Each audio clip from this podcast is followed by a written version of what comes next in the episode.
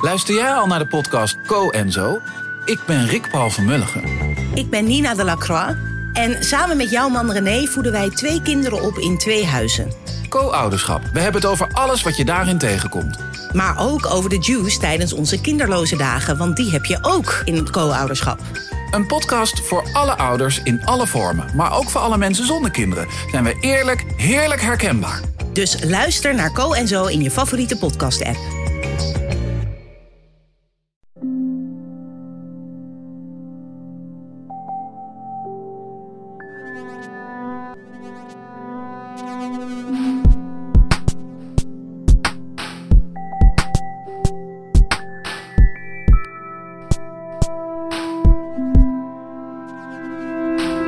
Dit is Relaas, waarin iemand een verhaal vertelt over iets dat hij zelf heeft meegemaakt. En ik denk dat Katlijne, die we straks gaan horen, een verhaal vertelt over de liefde. Nee, nee, eigenlijk vertelt ze over een bungee jump, maar die is zoals de liefde. Is onbezonnen, vaak impulsief, soms passioneel, maar vooral dag na dag na dag een grote stap in het onbekende.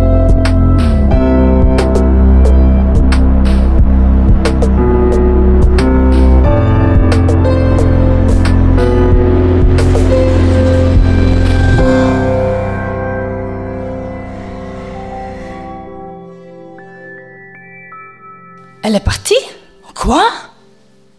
Ze is verdwenen of wat? Dat is wat hij zei over mij. Ja, hij keek wat verbijsterd en, en ook wel een beetje bang. Dat weet ik natuurlijk zelf niet, want ik was weg. Dat lijkt me vrij logisch. We gaan op de dag af zes jaar terug in de tijd. Mijn leven, ik was nog wat jonger, wat onbezonnener, en mijn leven was eigenlijk work hard, play hard. Ik had ook net een, uh, kort daarvoor ontdekt dat ik een collega had die eigenlijk veel leuker was dan alleen maar een collega te zijn. En hij vond dat gelukkig ook wel van mij. Dus ik had een lief gekregen. En wat doe je met een lief? Je gaat op vakantie. En natuurlijk ga je dan niet op een gewone strandvakantie, want dat is maar saai. Hè? Je gaat iets avontuurlijks doen. Natuurlijk.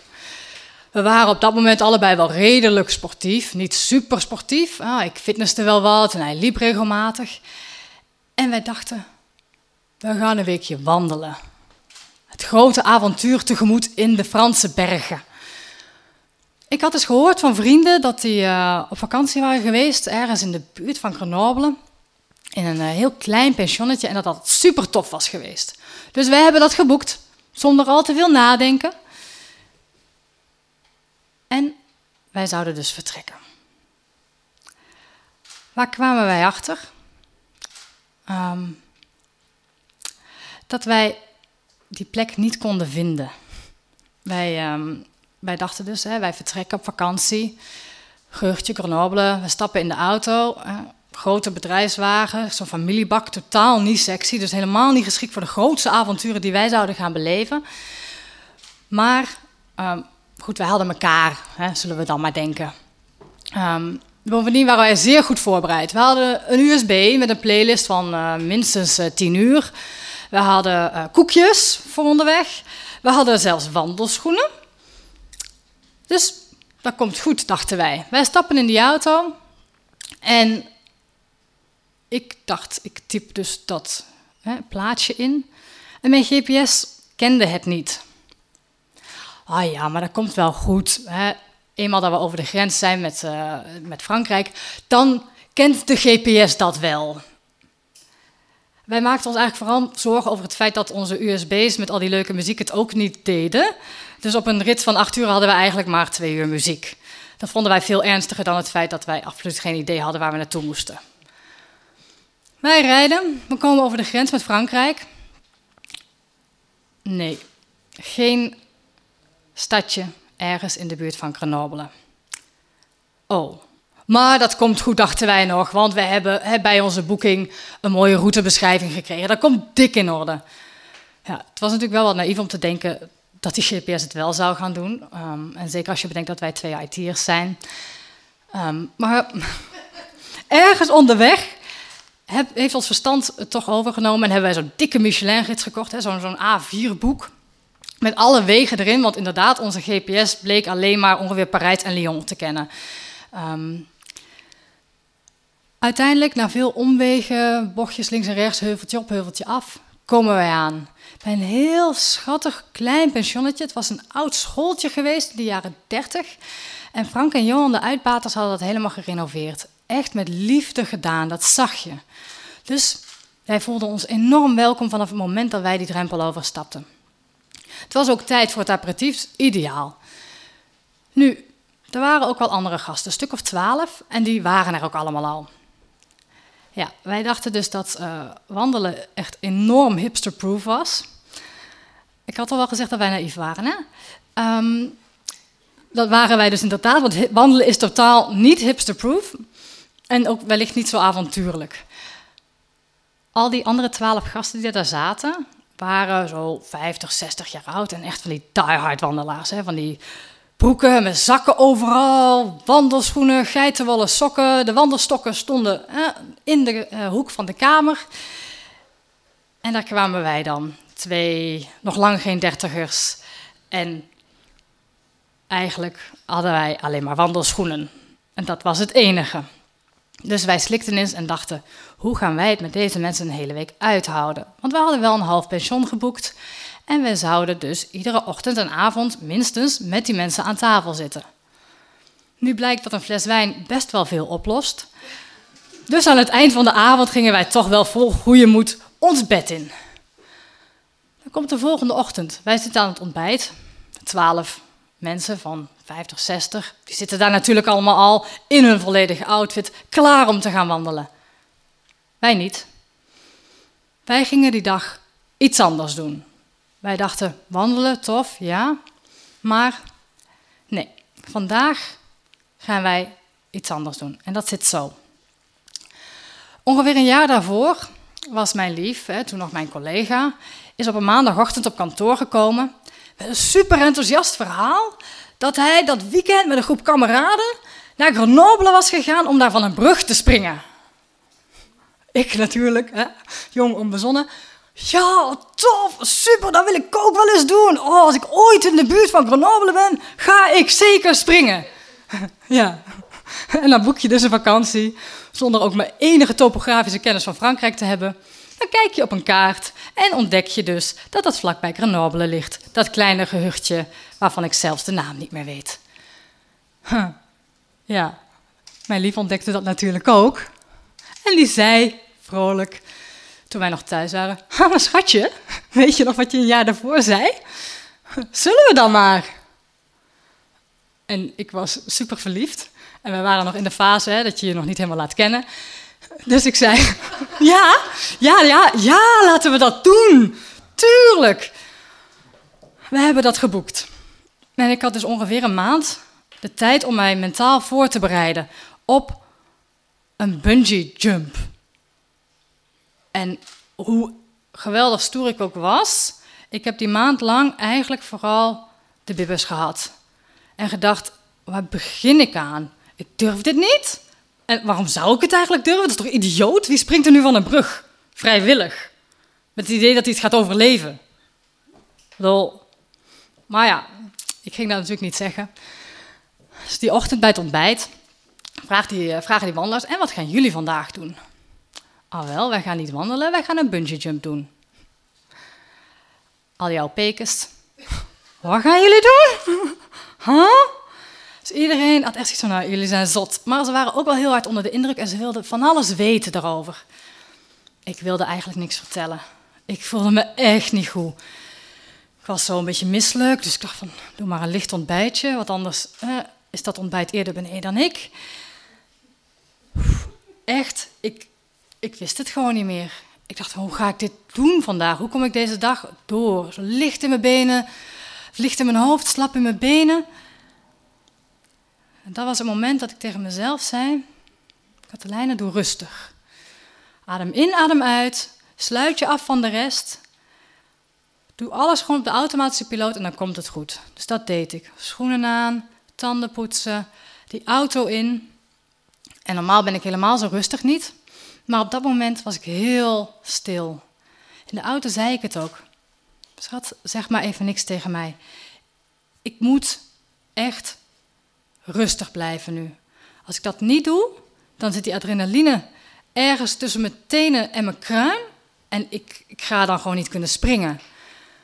Dus ik zat daar in die auto, heel rustig muziekje aan, rustig ademen. En wij komen bij Grenoble. We waren gelukkig vroeg, dus er waren nog geen andere springers, want het is een hele populaire plek. Dus we hadden rustig de tijd om eens te kijken naar hoe dat dan daar eruit zag. Wij konden dus ook eens over de reling van die brug kijken. En dan kijk je zo in een ravijn. En dan ontdek je dat dat echt heel hoog is, 103 meter. 103 meter, dat is dus ongeveer de boerentoren hier in Antwerpen en daar nog een huis bovenop. Dus als je daar dan staat en je kijkt naar beneden, dan zie je zo geen mensen meer, maar van die, van die Duplo-poppetjes. En weer dacht ik, waarom? Waarom ga ik springen? Dit is echt zot. Maar goed, we gingen dat doen. Het was tijd om in de rij te gaan staan, om ons aan te sluiten bij de andere mensen die die dag gingen springen. En ik had al afgesproken dat ik eerst wilde. Want ik dacht echt, als mijn lief nu eerst springt, één, ik ga de neiging hebben om die tegen te houden. Twee, dan is hij weg. En wie gaat mij dan aanmoedigen om ook te durven? En wie gaat mij troosten als ik het toch eigenlijk gewoon echt niet durf? Dus ik mocht eerst. Nu, ik weet niet of iemand weet hoe dat gaat van een brug springen, als je de intentie hebt om te overleven. Ehm, maar dat gaat dus niet zomaar. Ik passeerde drie mannen. De eerste deed mij zo'n harnas om mijn middel en grote banden om mijn voeten, want daar zou het touw aan vastkomen, of om mijn enkels.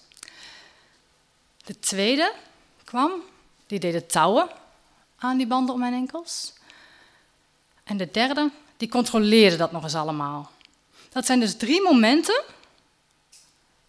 waarop je weg kunt.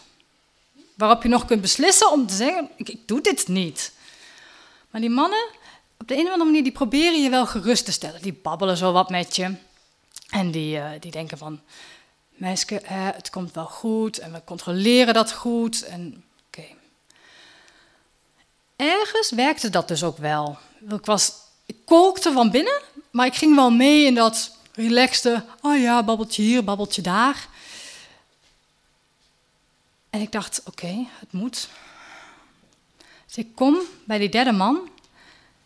Hij controleert alles, hij trekt een keer goed aan mijn middel. Hij voelt eens een keer aan mijn enkels. En hij vraagt, ben jij hier op vakantie? Ja. Is dit je eerste keer? Wat eigenlijk in heel veel situaties een rare vraag is, maar... Ja, dit is mijn eerste keer. Oké, ik zal je uitleggen hoe het gaat. Je ziet hier een trapje en de reling van de brug. Zometeen ga je dat trapje op, je gaat op de brug staan. Ik tel af van drie naar één en dan mag jij springen als je er klaar voor bent. Oké, goed. En op dat moment is er een klik in mijn hoofd. Ik denk, ik ga dat gewoon doen. Dat trapje is een trapje gelijk ieder trapje. En ik ga springen. Ik ga niet meer aarzelen, want als ik aarzel, doe ik het niet. Dus ik ga. Ik neem die drie treden, trap voor trap, alsof het een gewone trap is. Ik stap op de reling van de brug. Ik doe mijn handen boven mijn hoofd. En ik duik, alsof het gewoon een zwembadduik is. En ik gil, want ik had ergens ook besloten in een of andere split second, als je springt van een brug van 103 meter, hoor je te gillen. En ik gilde heel hard. De beste man heeft geen tijd gehad om af te tellen. Die had zoiets van, elle est partie, ou quoi?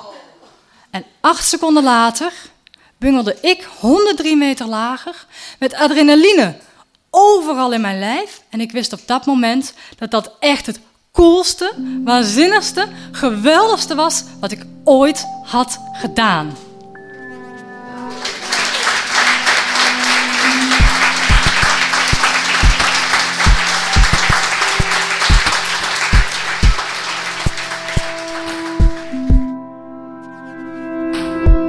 Dat was het relaas van Katlijne. Ze vertelde het op de allereerste Antwerpse relaasavond in Cyrus was dat.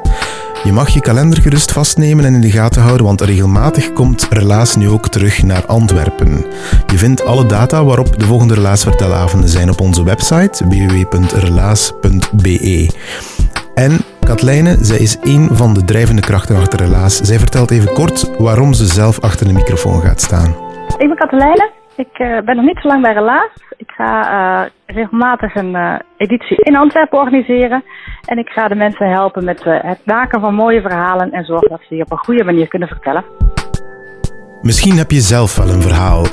En misschien weet je niet goed of het wel goed genoeg is, dat verhaal, om te vertellen aan het publiek. Weet je wat? Je kan het helemaal in het geheim persoonlijk al aan ons vertellen. Wij luisteren naar jouw verhaal, we kunnen heel goed luisteren en dan helpen wij jou om dat beter te maken. We kneden het, we kruiden het op zo'n manier uh, tot je het helemaal klaar hebt om het op een podium te brengen. Wij, wij zijn met een heel team.